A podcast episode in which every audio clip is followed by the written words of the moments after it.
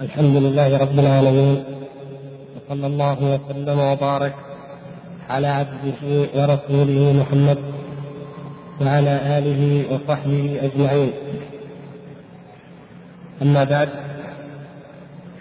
فما زلنا في شرح كلام الشارح رحمه الله تعالى فيما يتعلق بالحكم على المعين تكثيرا أو تبديعا أو تضليلا وفي عقوبته في الدنيا والآخرة. وكنا في الأسبوع الماضي قد قرأنا كلام شيخ الإسلام فيما يتعلق بالهجر شرحا لقول الشارع لكن التوقف لكن هذا التوقف في أمر الآخرة لا يمنعنا أن نعاقبه في الدنيا لمنع بدعته وأن نستفيده فإن تاب وإلا قتلناه. وأحسب إن شاء الله أننا قد أتينا على جملة مفيدة في هذا الموضوع وكافية ونريد اليوم أن نستعرض شيئا من كلامه رحمه الله في موضوع الشخص المعين أيضا والحكم على المعين بعلاقته بكلام الشارح هنا وبما يأتي أيضا بعد ذلك. وهو الكلام الكلام الذي وعدتكم أن أقوله أو أن آتي به فيما مضى فيما يتعلق بمسألة التأويل وعدمه والحكم على المعين. وقلت لكم إن شاء الله سآتي به في وقته المناسب ورأيت أن اليوم هو وقته المناسب. الكلام هذا موجود في الجزء الثاني عشر من مجموع الفتاوى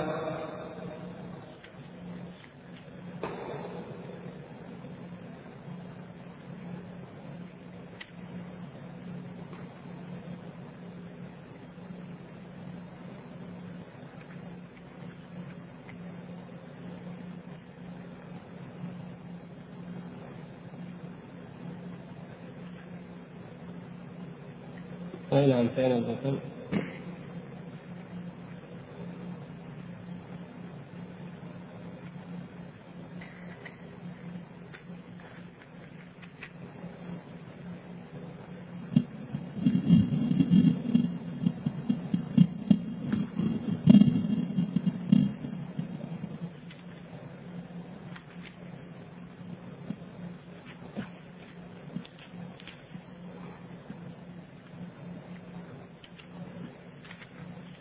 كلام طويل حقيقة يعني أوله لكن نحن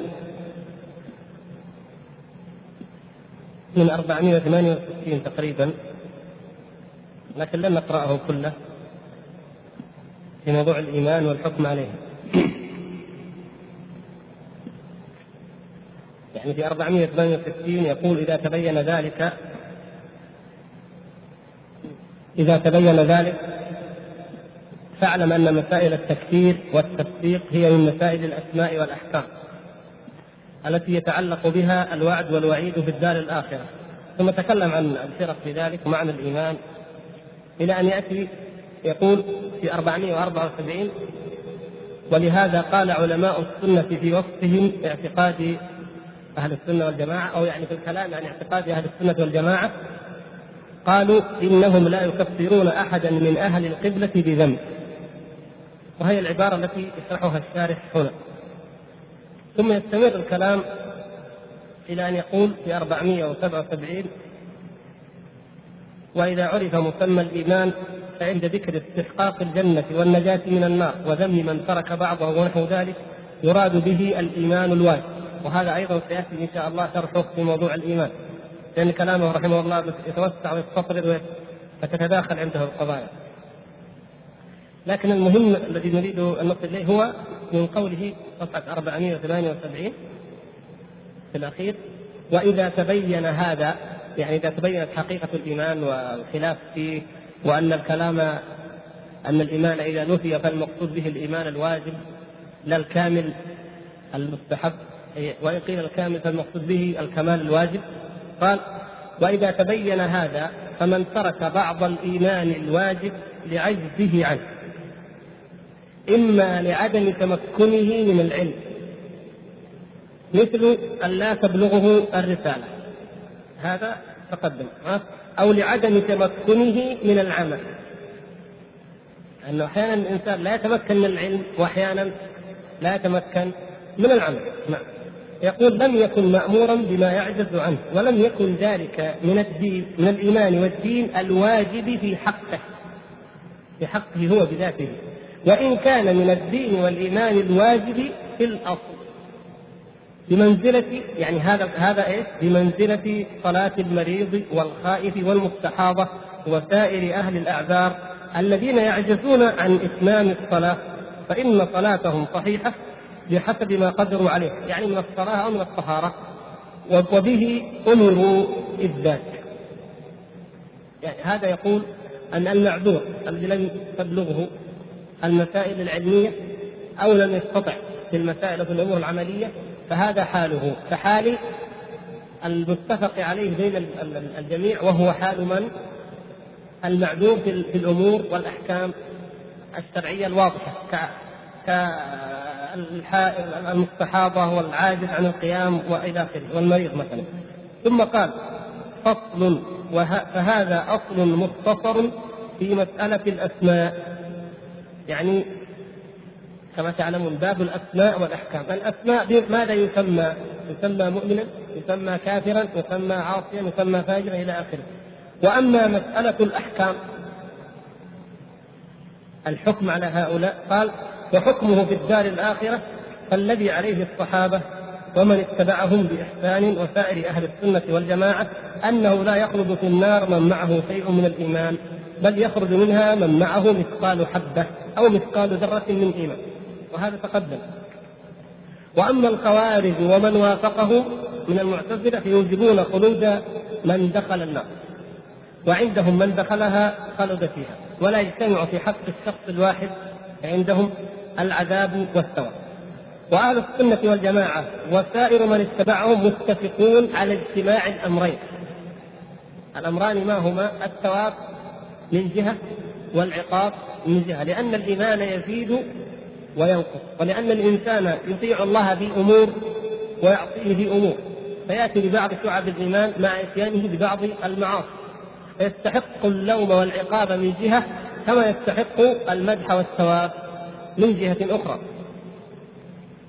قال وأيضا أهل السنة والجماعة لا يوجبون العذاب في حق كل من أتى كبيرة ولا يشهدون لمسلم بعينه بالنار لأجل كبيرة واحدة عملها بل يجوز عندهم أن صاحب الكبيرة يدخله الله الجنة بلا عذاب أما الحس...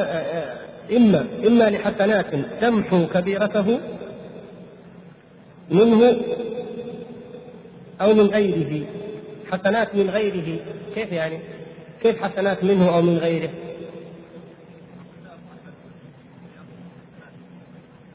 إذا لو كان له حقوق على الناس طيب غيرها؟ أي ولد صالح يدعو له؟ استغفار؟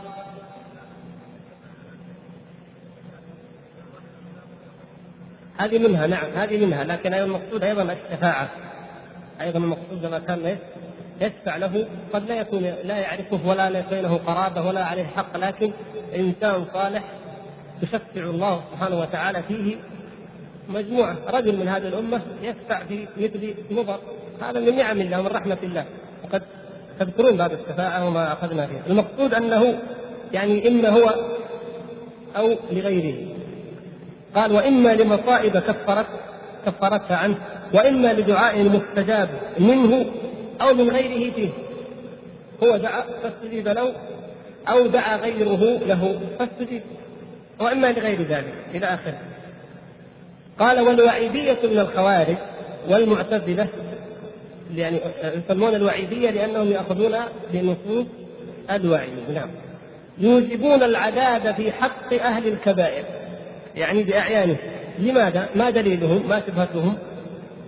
شمول نصوص الوعيد لهم يرون أنهم يدخلون تحت نصوص الوعيد العامة مثل قوله تعالى إن الذين يأكلون أموال اليتامى ظلما إنما يأكلون في بطونهم نارا وسيصلون سعيرا.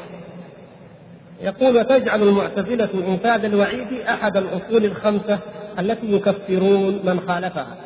وقد تقدم شرح الأصول الخمسة وشرح كلام المعتزلة في هذا كما تعلمون. فهذا هذا جانب يعني. والجانب الآخر هو من قابلهم وهم المرجئة الذين أخذوا بنصوص الوعد فتعارض الاثنان يقول بعد كلام فعارضهم غالية المرجئة بنصوص الوعد فإنها قد تتناول كثيرا من أهل الكبائر. يعني من قال لا إله إلا الله دخل الجنة. تتناول حتى أصحاب الكبائر. بل بل قال في حديث أبي ذر كما تعلمون وإن زنى وإن سرق إذا فقط. فرد رد عموم الوعيدية بعموم الوعد. أيوه. يقول فهنا اضطرب الناس فأنكر قوم من المرجئة العموم. فهذا من المذاهب الغريبة.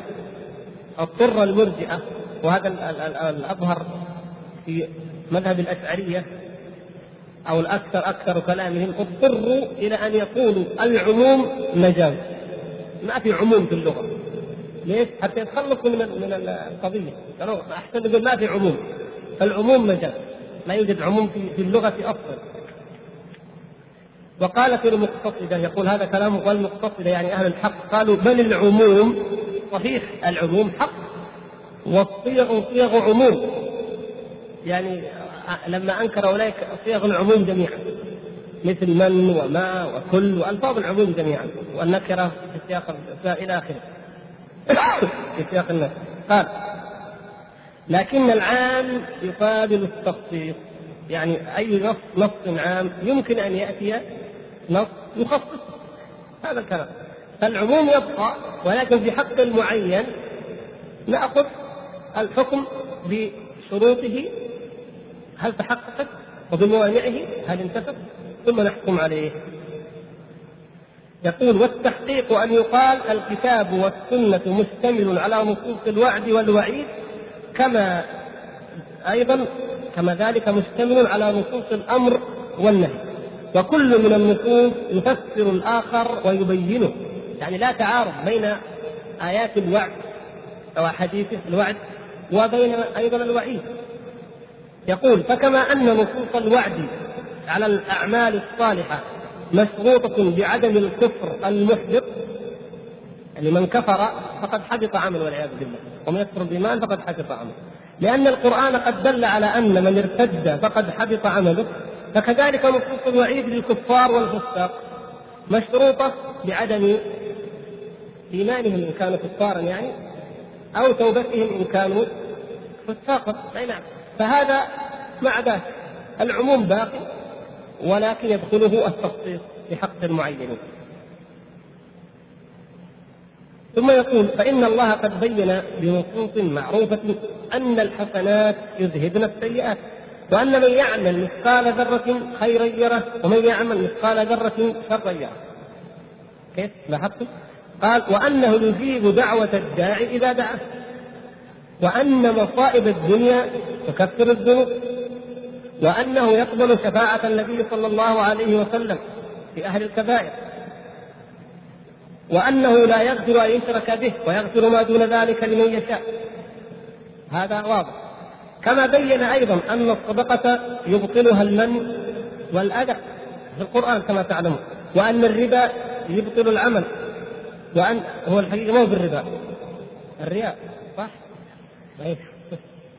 أن الرياء نعم عدلوها إذا كان واحد يقال عند الكتاب وأن الرياء يبطل العمل يعني من عمل عملا كما قال في الحديث القدسي يقول الله تعالى من عمل عملا أشرك معي فيه غيري فهو للذي أشرك. أو قال تركته وشركه. أنا أغنى الشركاء عن الشرك.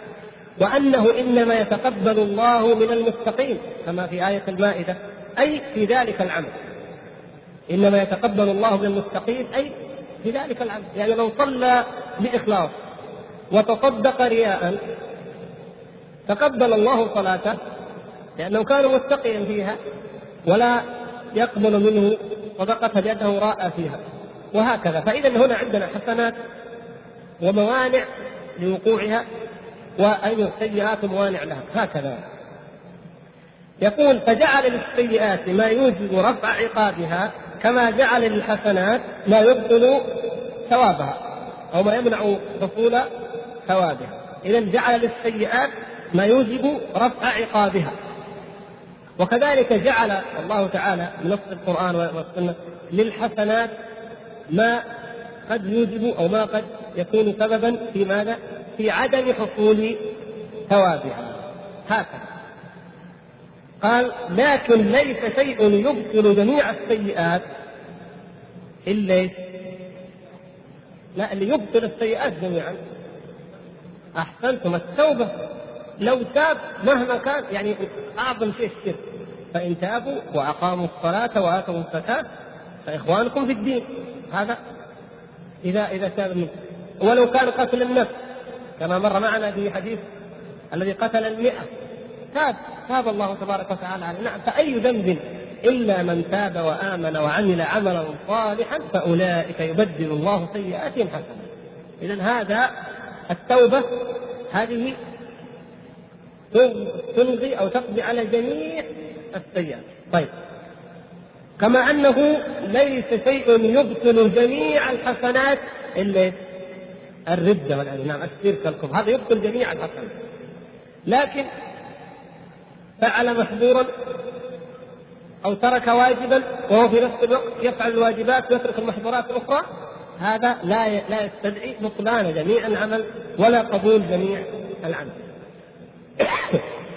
وبهذا يقول يتبين أن نشهد نشهد بأن الذين يأكلون أموال اليتامى ظلما إنما يأكلون في بطونهم نارا وسيصلون سعيرا على الإطلاق والعموم. هذا كلام الله لابد أن نقوله وأن نشهد به.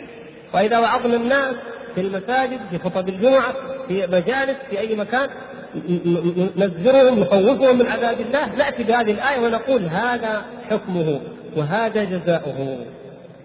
لكن يقول ولا نشهد لمعين أنه في النار. ها؟ لكن لا نقول هذا في النار لأنه أكل مال يتيم. لا نشهد له. فنشهد بالعموم والإطلاق لكن لا نشهد بالمعين. لماذا؟ يقول لأننا لا نعلم لحوق الوعيد له بعينه. ما عندنا علم. فيه هو بذاته بعينه. لأن لحوق الوعيد بالمعين مشروط بشروط وانتفاء موانع شروط تتحقق فيه وموانع تنتفي منه ونحن لا نعلم ثبوت الشروط وانتفاء الموانع في حقه مفهومه أن لو علمنا ثبوت الشروط وانتفاء الموانع نقول أيوة لكن لا نعلم يعني بالنسبة لحكم الآخرة.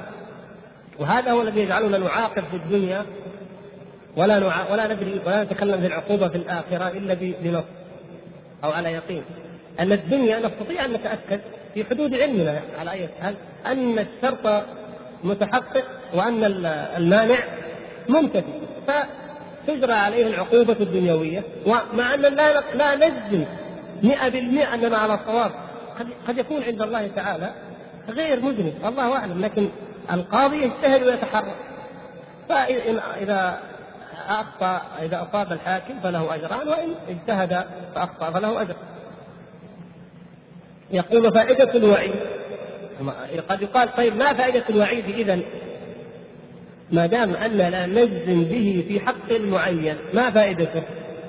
يقول لا فائدته حاصلة. وفائدة الوعيد بيان أن هذا الذنب مقتض لهذا العذاب. والسبب قد يقف تأثيره على وجود شرطه وانتفاء مانع يعني نقول للناس من فعل هذا فهذا حكمه. فإذا أنت وعظت الناس وذكرتهم بالله عز وجل ثم قلت لهم لا تأكلوا أموال اليتامى فإن من أكل فإن الله تعالى قال فيه كذا. وجئت بهذه الآية.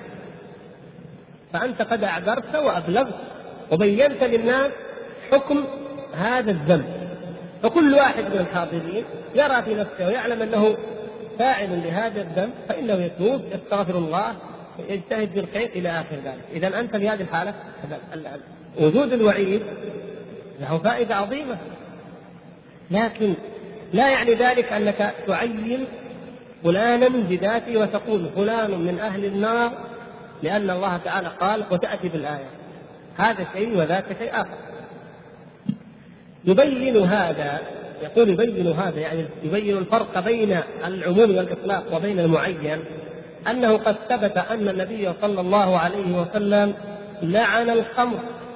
وعاصرها ومعتصرها وحاملها والمحمولة إليه وشاربها وساقيها وبائعها ومبتاعها وآكل ثمنها.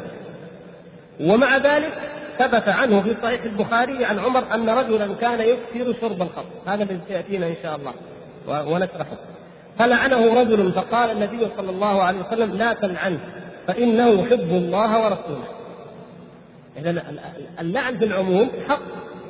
وصرح به النبي صلى الله عليه وسلم. الرجل أراد أن يمثل هذا النص العام يطبقه على هذا المعين. فلعنه فقال له النبي صلى الله عليه وسلم لا. لماذا؟ هنا هنا هنا الفرق كما قلنا بين الناس الذين على طرفي نقيض. اما من لا يرى ذكر هذه الأمور مطلقا ويقول لا نكفر لا نفسق لا نضلل وهذا خطأ هذا مذهب المرجئة. وإما الذي يطلقها على المعينين راسا بلا تثبت وهذا منهج الخوارج وعلى طريق الخوارج وإن لم يكن منهم. لا هنا علل النبي صلى الله عليه وسلم قال لا إنه يحب الله ورسوله. يعني وجد في هذا الشخص بعينه مانع يمنع لحوق الوعيد العام به. إذا لم ينكر النبي صلى الله عليه وسلم اللعن بالعموم حيث الأصل وقاله ويطلق فلو أن الرجل لو أنك أنت سمعت أن رجلا شرب الخمر فقلت لعن الله شاربها وعاصرها ومعتصرها وبائعها ومبتاعها ما عليك شيء. لكن ما ما لعنته هو. أتيت بالإطلاق في عمومه؟ يعني إن كان هذا الرجل يستحق اكمله الحديث. ما يستحق أنت ما أخطأت ما أذنت. نعم لكن لما تقول لعنه يلعن فلان لا انتظر هذا فيه معنى. إذا لا يمنع أنه لو انتفى المانع هذا لكان ربما يسكت النبي صلى الله عليه وسلم عليه. لو لو كان المعنى غير موجود. أو قد يرشده إلى أنه يعني لا نجزم بانه يسكت لماذا؟ لأنه قد لا يكون من المصلحة أو من الحكمة أو لسبب آخر. المقصود أنه لحاق لحاق اللعن والوعيد به يمكن أن يكون يمكن لكن وجد المانع وهو حب الله ورسوله. يقول فنهى عن هذا عن لعن هذا المعين وهو مدمن الخمر لأنه يحب الله ورسوله وقد لعن شارب الخمر على العموم. يقول إذا ظهرت هذه المقدمات والحمد لله ظاهرة لكم لكن حببنا أن نأتي بها وإن كنا يعني أوجزنا فيها كثيرا إذا ظهرت هذه المقدمات في اسم المؤمن والكافر والفاسق المنزي وفي حكم الوعد والوعيد والفرق بين المطلق والمعين وما وقع في ذلك من الاضطراب فمسألة تكفير أهل البدع والأهواء متفرعة على هذا الأمر هذه المسألة اللي هي موضوع بحثنا والتي بناء عليها ذكر الشارح حديث الرجل الذي أمر أبناءه واوصاهم بما تعلمون. يقول هذا المسألة متفرعة عن هذه القضايا. قال ونحن نبدأ بمذهب أئمة السنة فيها قبل التنبيه على الحجة. فنقول المشهور من مذهب الإمام أحمد وعامة أئمة السنة تكفير الجهمية. هذا سبق أن قلنا. هو يذكر رؤوس الفرق أما الجهمية فالمشهور عن أئمة السلف تكفيرهم في العموم طيب وأما المرجئة فلا تختلف نصوصه أنه لا يكفرهم لاحظوا عندما قال الجهمية ثم قال بعدها المرجئة فالمقصود بالمرجئة من؟ أي غير الجهمية يعني غير الغلاة لأن المرجئة الغلاة الذين هم الجهمية الذين يقولون إن الإيمان هو المعرفة في القلب فقط هؤلاء من الجهمية يدخلون في إيش؟ في التكفير بالعموم لكن كلامه اذا هنا في المرجئة غير الغلاة الذين يقولون لا يدخل العمل في الإيمان لكنهم يرون أن الأعمال ثمرات الإيمان وأنه يجب على الإنسان أن يأتي بالعمل وأنه يثاب ويعاقب على العمل إلى آخره لكنهم لا يدخلونه في في الإيمان. هذا مذهب المرجئة غير الغلاة الذين يقال لهم مرجئة أهل السنة أو المرجئة الحنفية وهذا سيأتي بيانه إن شاء الله. المقصود أنه غاير بين الجهمية والمرجئة فعرفنا أنه يقصد هؤلاء. أيضا الإمام أحمد رحمه الله لم يكفرهم وكذلك الأئمة. وقال وكذلك الشيعة المفضلون لعلي على أبي بكر. الشيعة الذين ليس فيه من التشيع إلا تفضيل علي على أبي بكر. هؤلاء أيضا لم يكفرهم السلف يعني لم يخرجوهم من الملة. في جملتهم أيضا. آه. قال وأما القدرية المقرون بالعلم لماذا قال المقرون بالعلم؟ لأن من نفى العلم كافر نعم هذا نعم. قال والروافض الذين ليسوا من الغالية يعني لم يقتصروا لم يقتصروا على تفضيل علي على أبي بكر بل تعدوا ذلك إلى سب سبهم نعم. لكن ليسوا من الغالية الذين وصل بهم الحال إلى أن يكفروا الصحابة مثلا. لكن يسبونهم. يقول يقول والجهمية والخوارج يعني من غاليتهم. قال فيذكر عنه يعني عن الإمام أحمد رحمه الله في تكفيرهم روايتان. هذا حقيقة قوله المطلق. مع أن الغالب عليه التوقف عن تكفير القدرية المقرين بالعلم والخوارج. مع قوله ما أعلم قوما شرا من الخوارج. الإمام أحمد رحمه الله يعني وقاف عند النصوص. فلما وجد أن النبي صلى الله عليه وسلم كما ذكر هو يعني صح الحديث عن الخوارج عن النبي صلى الله عليه وسلم في الخوارج من عشرة أوجه قال ما أعلم قوما شرا من الخوارج. لكن هل يكفرهم؟ توقف في تكفير الخوارج وفي تكفير من أنكر القدر وهو مقر بالعلم. أما من أنكر العلم كافر لا شك في ذلك. فهذا توقف فيه يعني هناك مراتب لاحظة قوم لم يتردد بأنهم يكفرون قوم لم يتردد بأنهم لا يكفرون وقوم توقف بأمرهم أو وردت عنه روايات بشأنه. هذا من العدل هذا من عدل أهل السنة والجماعة. لا يدعون الناس دفعة واحدة والأحكام دفعة واحدة وإنما كل بحسبه. وهذا من الميزان الذي أمر الله تعالى به. ثم يذكر أن الناس يعني مع هذا فإن الفقهاء اختلفوا في فهم كلامه رحمه الله وفي فهم كلام الإمام الشافعي وأمثاله. ولماذا؟ يقول ما هو ما هو غريب. لأن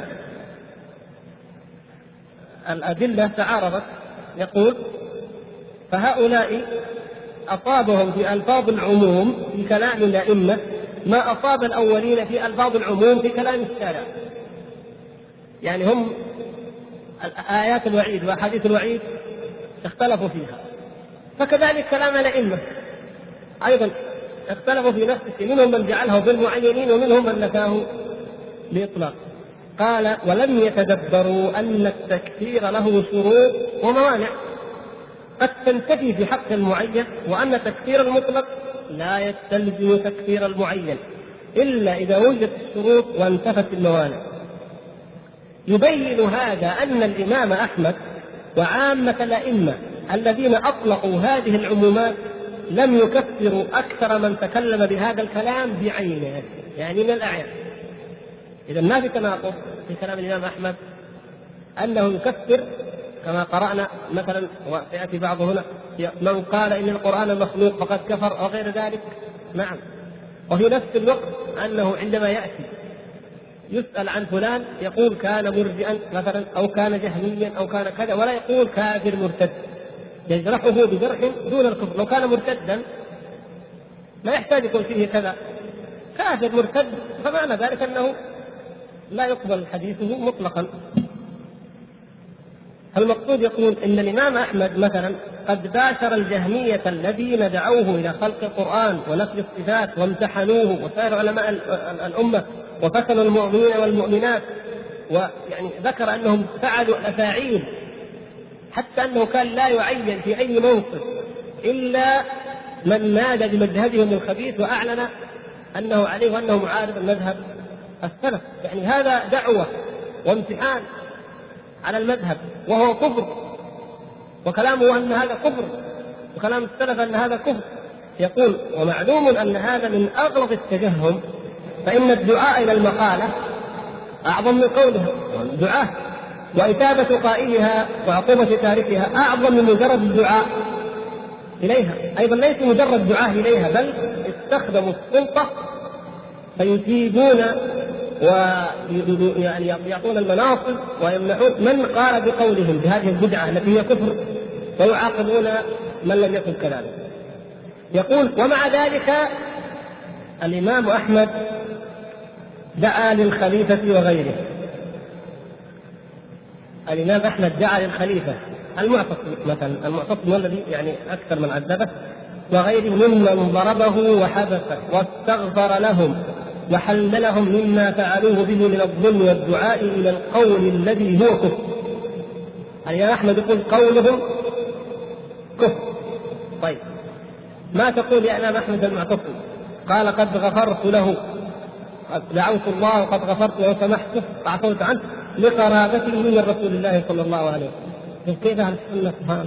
يعني يظهرون الحق ويدافعون عنه ويستميتون في سبيله ومع ذلك لا يحملون يعني غلا أو حقدا على أحد بل الأصل عندهم الرحمة والتجاوز والتسامح. مثل شيخ الإسلام ابن تيمية رحمه الله سجن وأذب وعذب وأولي فلما قال له السلطان أفعل بهم افعل قال قد عفوت عنه ليست القضية عند أهل السنة قضية شخصية مع أنه من حق الإنسان أن يطلب معاقبة من عاقب أو أن يعاقبه مثل ما عاقب به هذا. نص كلام الله سبحانه وتعالى وجزاء سيئات سيئات مثلها وإن عاقبتم فعاقبوا مثل ما عوقبتم به. حق يعني عدل هذا العدل. لكن درجة الإحسان فوق درجة العدل. وكان السلف الصالح لأنهم قدوة قدوات. فكانوا يعاملون الناس بالإحسان مع أنه بإمكانهم أن يعاملوهم بالعدل. يقول لو كانوا مرتدين عن الإسلام لم يجد الاستغفار لهم. هذا قطعا لأن الاستغفار للكفار لا يجوز بالكتاب والسنة. معلوم. ما كان النبي والذين آمنوا أن يستغفروا للمشركين ولو كانوا وللقربى يقول وهذه الأقوال والأعمال منه ومن غيره وهي الإمام أحمد رحمه الله من الأئمة صريحة في أنهم لم يكفروا المعينين من الجهمية لم يكفروا المعينين لكن ليس كل معين. تقول الذين كانوا يقولون القرآن مخلوق وأن الله لا يرى في الآخرة. وقد نقل عن أحمد ما يدل على أنه كفر قوما معينين أيوة. نرجع نقول لا نقل عن أحمد موجود. من تلاميذ الثقات أنه كفر معينين نقول هذا اللي نريده نفهمه. أن المسألة ليست على الإطلاق لا يكفر أحد وأيضا لابد أن يطلق القول العام. لكن يقول هنا احتمال. إما أن يذكر عنه في المسألة روايتان ففيه نظر أو يحمل الأمر على التفصيل. فيقال من كفر بعينه فلقيام الدليل على أنه وجدت فيه شروط التكفير وانتفت موانعه. ومن لم يكفره بعينه فلانتفاء ذلك في حقه إما أن الإمام وهذا احتمال أضعف. لكن قد يقال إن الإمام أحمد روي عنه روايتان كفر فلان أو ما كفر فلان هذا جائز أن يقع لكنه أضعف وإنما الأولى أن يقال ماذا؟ أن الإمام أحمد رحمه الله من كفره بعينه معنى ذلك أنه قد قام عنده الدليل على تحقق شروط التكفير فيه وانتفاء الموانع تمام؟ طيب ومن لم يكفره بعينه فلأن ذلك منتف في حقه. هذا مع إطلاق قوله بالتكفير على سبيل العموم. إذا ما في على سبيل العموم يقولها وأما في الأعيان فيتحرى. من ثبتت فيه الشروط وثبت الموانع أطلق من لم يكن كذلك لم يطلق ذلك في حقه. ثم ذكر الدليل على ذلك الكتاب والسنة والإجماع والإعتبار. ذكر أدلة الكتاب يعني أدلة الكتاب على أن الإنسان لا يؤاخذ بالتأويل والخطأ ما يتعمد معروفة. لا جناح عليكم فيما أخطأتم به. ربنا لا تؤاخذنا إن نسينا أو أخطأنا. قال قد فعلت. نعم. قال وأيضا من السنة قال قد ثبت في الصحيح من حديث أبي هريرة أن رسول الله صلى الله عليه وسلم قال إن رجلا لم يعمل خيرا قط. وذكر الحديث الذي مر معنا في الأسبوعين الماضيين. يقول هذا الحديث متواتر عن النبي صلى الله عليه وسلم. هذا ذكرنا طرقه. يقول من يعلم أهل الحديث من وجوه متعددة يعلم أهل الحديث أنها تفيدهم العلم اليقين. يعلم أهل الحديث. لاحظ يعلم المشتغلون بهذا الفن. الذين يؤمنون بالكتاب والسنة الذين يستندون الأدلة منه.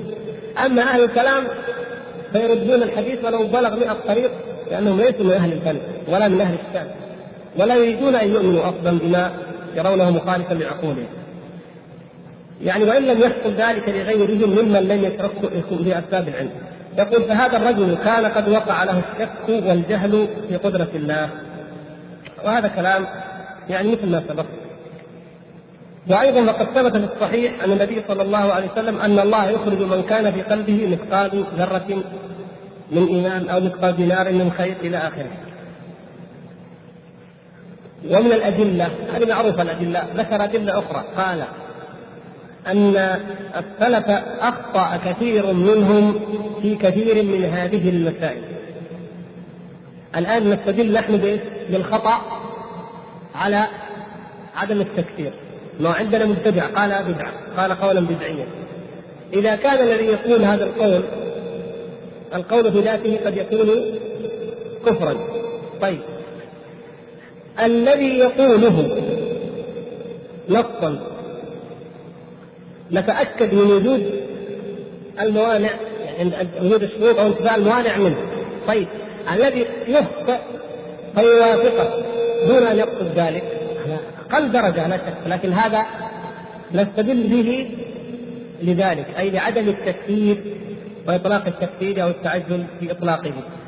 يقول فإن كثيرا كثير من السلف أخطأوا في بعض المسائل هذه واتفقوا على عدم التكفير بذلك. مثل موضوع المعراج يقظة ورؤية النبي صلى الله عليه وسلم لربه ليلة الإسراء والكلام بالخلافة وهكذا. وكذلك يكون قتال بعضهم لبعض ولعن بعض وإطلاق تكفير بعض أيضا ورد ذلك. ويذكر بعض الأمثلة مثلا أن القاضي شريح كان ينكر قراءة من قال بل عجبت بل عجبت ويسخرون. يعني يقول كان ينكر هذه القراءة. فقال بلغ ذلك إبراهيم النخعي فقال إنما شريح شاعر يعجبه علمه. كان عبد الله يعني من ابن مسعود وابن مسعود شيخ الاثنين. كان عبد الله بن مسعود أفقه منه فكان يقول بل عجبت فهذا قد أنكر قراءة ثابتة. لاحظوا أنكر قراءة ثابتة.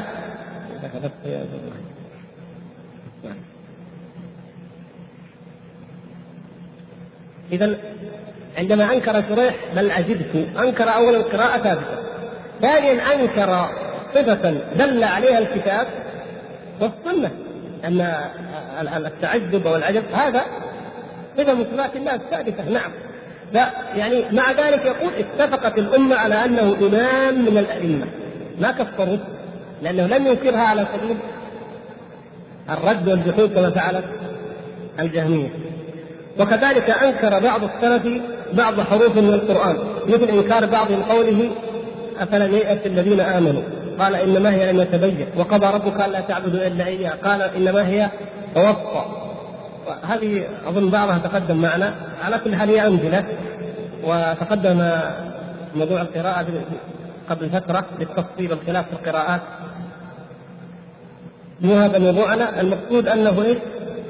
قال وأيضا فإن الكتاب والسنة قد دل على أن الله لا يعذب احدا إلا بعد إبلاغ الرسالة. فمن لم تبلغه جملة يعني لم يبلغه شيء من الدين جملة لم يعذبه راسا أيضا لا يعذب أيضا جملة لاحظتم كيف؟ ومن بلغته جملة دون بعض التفصيل لم يعذبه إلا على إنكار ما قامت عليه الحجة الرسالية به يحاسب على الجملة التي بلغته ولكن لا يعذب ولا يحاسب على التفصيل الذي لم يبلغ هذا من عدل الله سبحانه وتعالى وذكر بعد ذلك الأدلة في هذا.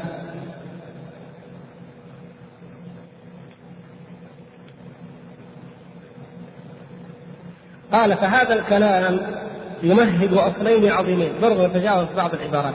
هذا الكلام يمهد أصلين عظيمين. أحدهما أن العلم والإيمان والهدى فيما جاء به الرسول صلى الله عليه وسلم. نعم. وأن خلاف ذلك كفر على الإطلاق. فنفي الصفات كفر والتكذيب بأن الله يرى في الآخرة أو أنه على العرش. من كذب أن الله ليس على العرش أو من كذب أن الله لا قال لا يرى في الآخرة أو أن القرآن كلامه كذب ذلك أو أنه كلم موسى أو أنه اتخذ إبراهيم خليلا فقد كفر. وكذلك ما كان في معنى ذلك أي ما تعرض ما كان فيه جحد أو إنكار لأصل من أصول العقيدة والإيمان التي دل عليها الكتاب والسنة أو لأصل من أصول الأحكام العملية. لأن الأصول تطلق هذه فائدة الأصول تطلق بمعنى ما يتعلق بالعقيدة وبمعنى وتكون ويقابلها الفروع وهي الأحكام العملية.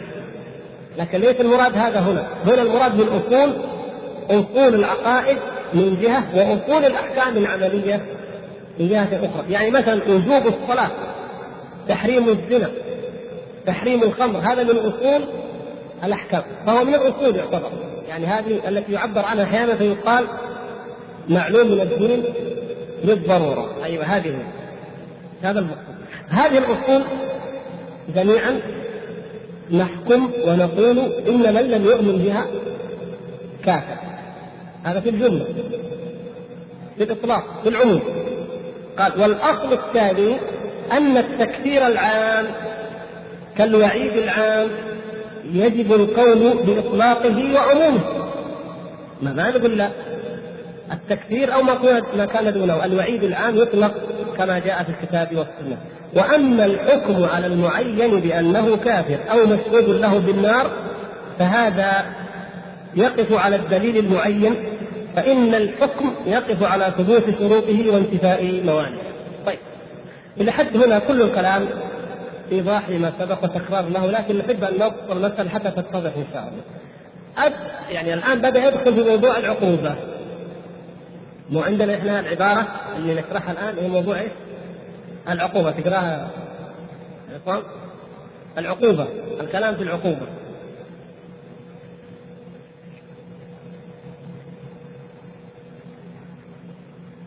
ما لقيتها؟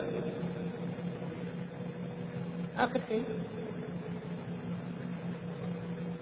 لا لا لا أكثركم يعني طبعتي مخالفة لطبعتي لكن هذا التوقف.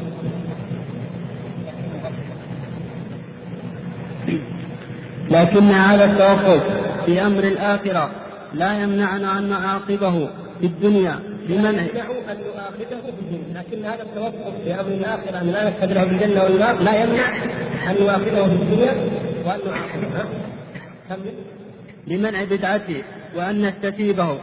فإن تاب وإلا قتلناه أيوة. إذا نحن لكي نمنع بدعته أو لكي نقيم الحد عليه كما أمر الله عز وجل نعاقبه. المسألة هنا إيه؟ أننا نفرق أيضا بين العقوبة. نفرق بين العقوبة بين وقوع العقوبة وبين ارتباط ذلك بصلاح الإنسان أو فساده أو أنه غير مقبول عند الله أو بمعنى آخر. نفرق بين وقوع العقوبة في الدنيا ووقوعها في الآخرة. أما في الآخرة فهو تبارك وتعالى الذي يتولى الجزاء ولا ارتباط بين هذا وهذا. كيف؟ تفصل بالأدلة ليتضح ذلك. يقول ومما ينبغي أن يعلم أن في هذا الموضوع أن الشريعة قد تأمرنا بإقامة الحج على شخص في الدنيا إما بقتل أو جلد أو غير ذلك ويكون في الآخرة غير معذب لاحظوا كيف؟ في الدنيا نحن مأمورون أن نعاقبه وهو في الآخرة غير معذب مثل قتال البغاة والمتأولين مع بقائهم على العدالة.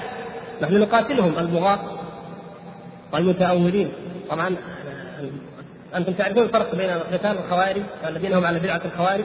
هؤلاء يقاتلون على البدعة يقاتلون لأنهم أهل البدع هذا شيء. والأمر الآخر قتال قطاع الطريق الذين يسمون المحاربين أخذا من قوله تعالى يحاربون الله إنما جزاء الذين أيوه. الأرض طيب. والثالث قتال المتأول. المتأول إنسان يظن أنه على الحق واجتهاده أدى به لأن هذا هو الحق فخرج به على جماعة المسلمين. بأحد المعنيين إما على الجماعة بمعنى الحق أو على الجماعة بمعنى الإمام وأهل الحق الذين معه. هذا اجتهاده. طيب. قد يكون معذور هذا اجتهاد وهذا رأي نقول لا. المشكلة هذه البدعة هذا الخطأ سينتشر سينشر سيقال.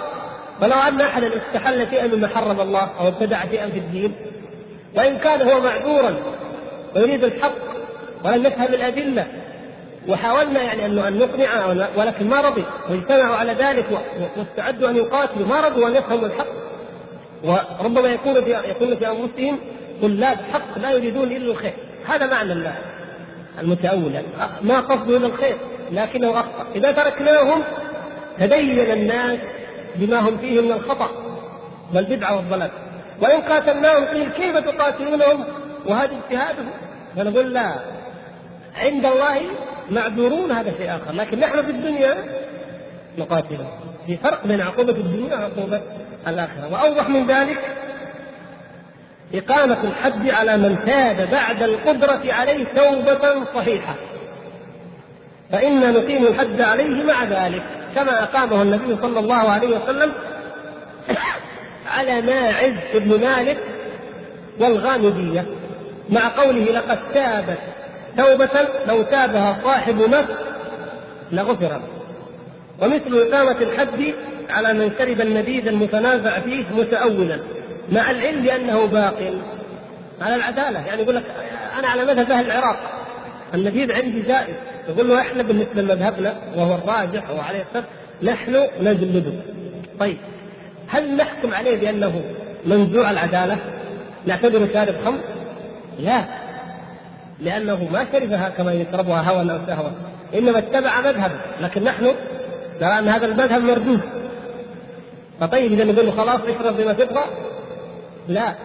لأنه لو فعل ذلك لو لو أقر ذلك لشرب الناس الخمر باسم النبيذ نحن لا نقف نمنعه نقول هو غير آثم إذا كان فعلا يعني هذا اجتهاد وما أدى إليه ولكن نحن نعاقب. فلا يلزم من معاقبتنا له أنه آثم. لاحظتم يا أخوان؟ كما لا يلزم ذلك. يقول بخلاف من لا تأويل له هذا سيأتينا إن شاء الله. يقول وكذلك نعلم أن خلقا لا يعاقبون في الدنيا مع أنهم كفار في الآخرة. حتى هذه موجودة معقول كذا نمثل من يأتينا بمثال؟ أناس لا يعاقبون في الدنيا مع أنهم كفار في الآخرة أيوة المنافق النبي صلى الله عليه وسلم أقرهم. يأتون يحلفون بالله. أن كنا معذورين مثلا في غزوة. ليرضى عنهم النبي صلى الله عليه وسلم لترضوا عنهم. طيب أو لتعرضوا عنهم فأعرضوا عنهم. هكذا مقصود. يحلفون. ويقسمون الأيمان أننا إن خرجت مرة أخرى لنجاهدن ولنفعلن قل لا تقسموا طاعة معروفة. يعني في كل مرة هم كذا فهم يعني في الدنيا نحن نعلم الله تعالى يطلع المؤمنين على أحوالهم من عنده. وأيضا المؤمنون الإنسان بفهمه بلحم القول يعلم أن هذا منافق. كثير من الناس أنت تعرف أن هذا منافق. ما تقدر تمسك عليه شيء حكم. لكن أنت في قلبك يعني جمعت لديك قرائن وأدلة معينة تجعلك تعتقد أنه منافق. لكن تقيم عليه شيء ما تقدر. فتحكم إلى الله. اذا هذا جانب. والآخر أو النوع الآخر أيضا أهل الذمة. أهل الذمة يعتقدون أن الله ثالث ثلاثة تعالى الله عن ذلك علوا كبيرا. يذهبون الكنائس يتعبدون لا يؤمنون بالقرآن يكذبون نبوة محمد صلى الله عليه وسلم يشربون الخمر يأكل خنزير سبحان الله. كل هذه الأمور ومع ذلك حكما فقط في الدنيا أمرنا الله أن نقره. طبعا بالشروط كما تعلمون الشروط العمرية شروط أهل الذمة. المهم أننا نعلم أنهم على هذا الكفر وأنهم لا يحلون ما حل الله ورسوله ولا يحرمون ما حرم الله ورسوله ويعتقدون هذا الكفر ومع ذلك فإننا نقرهم. طيب كيف هذا؟ نقول فرق بين أحكام الدنيا وبين أحكام الآخرة. نقرهم في الدنيا ونحن نعلم ونعتقد أنهم معاقبون عند الله على هذا الكفر وأن مصيرهم ومآلهم إلى النار. وهكذا. إذا فالمنافقون يعني تجرى عليهم أحكام الإسلام وهم في الآخرة كافرون كما ذكر. يقول رحمه الله وهذا لأن الجزاء في الحقيقة إنما هو في الدار الآخرة. هذه القضية يا إخوان الجزاء الحقيقي. أين يكون؟ في الدار الآخرة. نحن لا نملك في هذه الدنيا شيئا ولكن أمرنا أن نقيم حدود الله بما استطعنا. يقول التي هي دار الثواب والعقاب. وأما الدنيا فإنما يشرع فيها من العقاب ما ما يدفع به الظلم والعدوان. ولذلك لا, لا يعني لا نقاتلهم حتى يؤمنوا حقيقة في قلوبهم. ما نعلم ذلك. لكن كما قال الله تعالى وقاتلوهم حتى لا تكون فتنة ويكون الدين كله لله. حتى لا يمنع لا يفتن المؤمن. فبعد ذلك إذا اتضح الحق لا إكراه في الدين قد تبين الرشد من الغي. يعني هذه الآية بعد الجهاد. أو مع الجهاد اتضح له الحق فقلبه لا نطلع عليه أشققت عن قلبه لا نعلم لكننا نقاتل حتى يعلم الناس الحق وحتى يصل إليهم الحق وحتى لا يوجد في الدنيا من يفتن الناس عن الحق بالشبهات أو بالشهوات. يقول لقد أرسلنا رسولا بالبينات إلى آخره قال وإذا كان الأمر كذلك فعقوبة الدنيا غير مستلزمة لعقوبة الآخرة ولا بالعكس. ولهذا أكثر السلف يأمرون بقتل الداعي إلى البدعة الذي يضل الناس لأجل إفساده الدين سواء قالوا هو كافر أو ليس بكافر. انظروا فقه السلف فهم السلف. لم يتجادلوا كثيرا في مسألة الجعد كافر غير كافر. فنحن الآن مع الأسف الشباب الآن تلقى أكثر خلافنا كافر ما هو كافر ما هي السلف الصالح رضي الله تعالى عنهم يعلمون أن أمور العباد إلى الله. وحقيقة يعني العقوبه إنما هي في الآخرة. لكن في الدنيا هذا رجل ابتدع بدعة. تفسد الدين يقتل. فاجمعوا على هذا القدر. ومنهم من اطلق الكفر ومنهم من لم يسكت المهم لم يت... يعني لم ي... منهم من لم يتكلم. المقصود إيه؟ لم يتجادل. يعني القضية النظر الأساس عند السلف هو ماذا؟ هو أن من كان في وجوده أو في بقائه أو في يعني في وجوده خطر على الدين أو في قتله مصلحة للدين فإن ذلك يفعل به. كونه قتل كفرا أو غير ذلك هذا أمر ثانوي أمر يأتي بعد ذلك. إنما نظرهم إلى أصل القضية. ولذلك لا يمنع أننا نعذر كما في العبارة قد نعذر احدا من الناس لكن لا يعني ذلك أننا لا نعاقبه. بل قد نعاقبه في الدنيا ونحن نعلم أنه معذور ونعلم أنه غير مؤاخذ عند الله سبحانه وتعالى حسب ما يظهر لنا من نيته ومن عمله. قال وإذا عرف هذا فتكفير المعين من هؤلاء الجهال وأمثالهم بحيث يحكم عليه بانه من الكفار لا يجوز الإقدام عليه إلا بعد أن تقوم على أحدهم الحجة الرسالية التي يتبين بها أو يتبين بها أنه مخالفون للرسل وإن كانت هذه المقالة لا ريب أنها كفر. وهذا الكلام في تكفير جميع المعينين مع أن بعض هذه البدع أشد من بعض وبعض المبتدعة يكون فيه من الإيمان ما ليس في بعض. فليس لأحد أن يكفر أحدا من المسلمين وإن أخطأ وغلط تقام عليه الحجة وتبين له المحجة ومن ثبت إيمانه بيقين لم يزل ذلك عنه بالشك بل لا يزول إلا بعد إقامة الحجة وإزالة الشبهة. وهذا الجواب يقول رحمه الله وهذا الجواب لا يحتمل أكثر من هذا. والله المسؤول أن يوفقنا وسائر إخواننا لما يحبه ويرضاه والله سبحانه أعلم. يعني هذا الفصل الطويل والحمد لله أننا استطعنا أن نأتي عليه في لقاء واحد وخاصة من صفحة 479 إلى 501 وهو الحمد لله كما رأيت يوضح ويجلي هذه المسألة. من أهم النقاط التي نحب أن نركز عليها أن المبتدع يقتل يجوز أن يقتل تعزيرا ولو لم نحكم بردته. لاحظتم يا إخوان؟ يعني هناك مع الأسف من يثير هذه القضية ويقول لا يقتل بناء على حرية الفكر.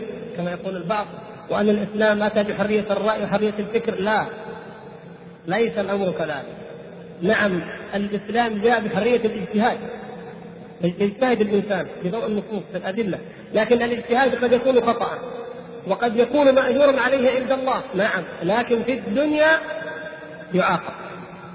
فغاية ما قد يقولونه أن يقولوا إن هذا الرجل وقع في البدعة عن اجتهاد فنقول إن كان مجتهدا مخطئا فذلك يجعله غير معاقب عند الله. لكن نحن في الدنيا لا بد أن نقيم الحد عليه وأن نعاقبه. فمن أنكر شيئا من, من هذه الأمور من قال إن القرآن مخلوق من قال إن الله لا يرى في الآخرة من أنكر القدر من سب الصحابة رضوان الله تعالى عليهم وكفرهم أو أي بدعة من هذه البدع فإنه يقتل تعزيرا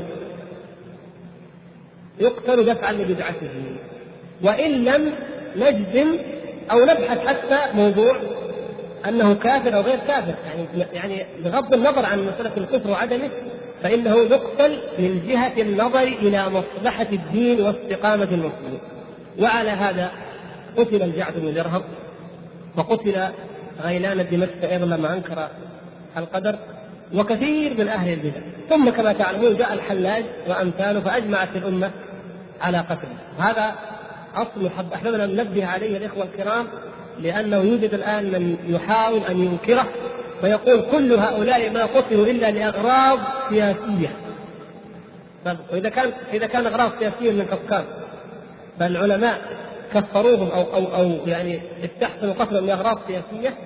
بينما هؤلاء السلف والأمة وعلماء الأمة رضوا قتلهم وأثنوا على فاعله وجعلوه من باب العقوبة الشرعية.